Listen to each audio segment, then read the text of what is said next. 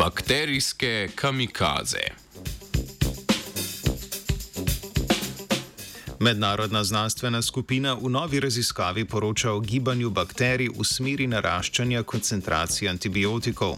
Svoje izsledke je objavila v znanstveni reviji Nature Communications.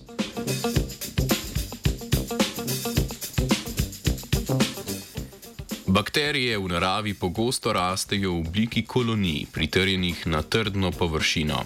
Takšni biofilmi so mnogo, mnogokrat podvrženi zunanjim vplivom, naprimer različnim molekulam v okolici.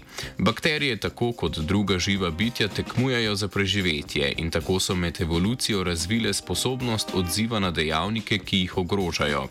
Taka sposobnost je denimo kemotaksa, sposobnost gibanja kot odziv na koncentracijo v okolici prisotnih molekul, denimo hranil ali toksinov.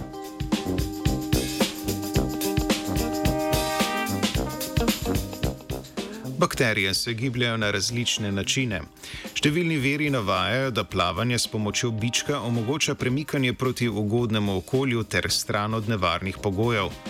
Manj je znano o kemotaksi na trdnih površinah, prav tako pa trenutno ni podatkov o kemotaksi kot odzivu na antibiotike.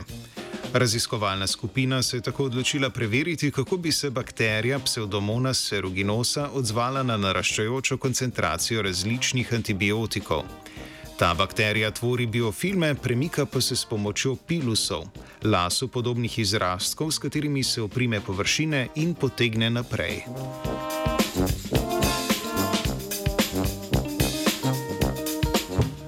Raziskovalci in raziskovalke so najprej določili najnižjo koncentracijo različnih antibiotikov, ki že povzročijo odmiranje bakterij. Na to so na napravo pritrjene bakterije izpostavili naraščajoči koncentraciji antibiotikov in opazovali smer bakterijskega gibanja. Na veliko presenečenje znanstvenikov in znanstvenic so se bakterije po približno petih urah začele gibati izrazito v smer naraščajoče koncentracije antibiotikov. Po drugi strani je bilo premikanje bakterij v okolju brez antibiotikov na ključno.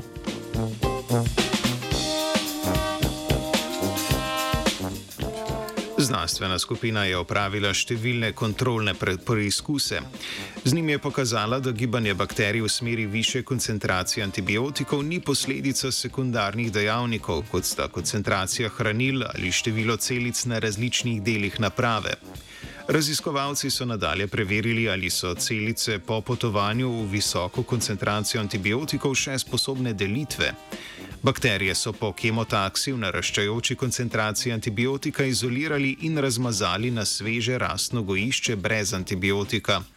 Ugotovili so, da so celice viabilne v samem začetku kemotakse, kmalo po začetku gibanja v višjih koncentracijah antibiotikov pa so sposobnost delitve izgubile. Kljub nezmožnosti delitve pa so bakterije ohranile sposobnost izločanja toksičnih molekul, s katerimi vplivajo na rast organizmov v okolju.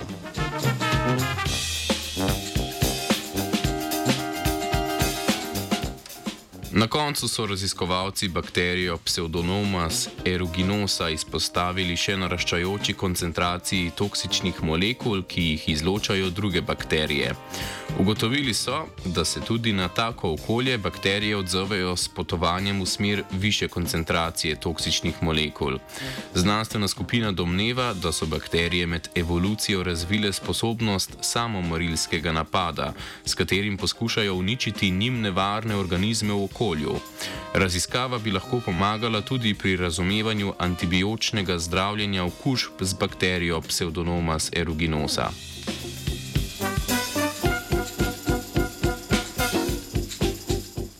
Kamikaze je opazoval Luka.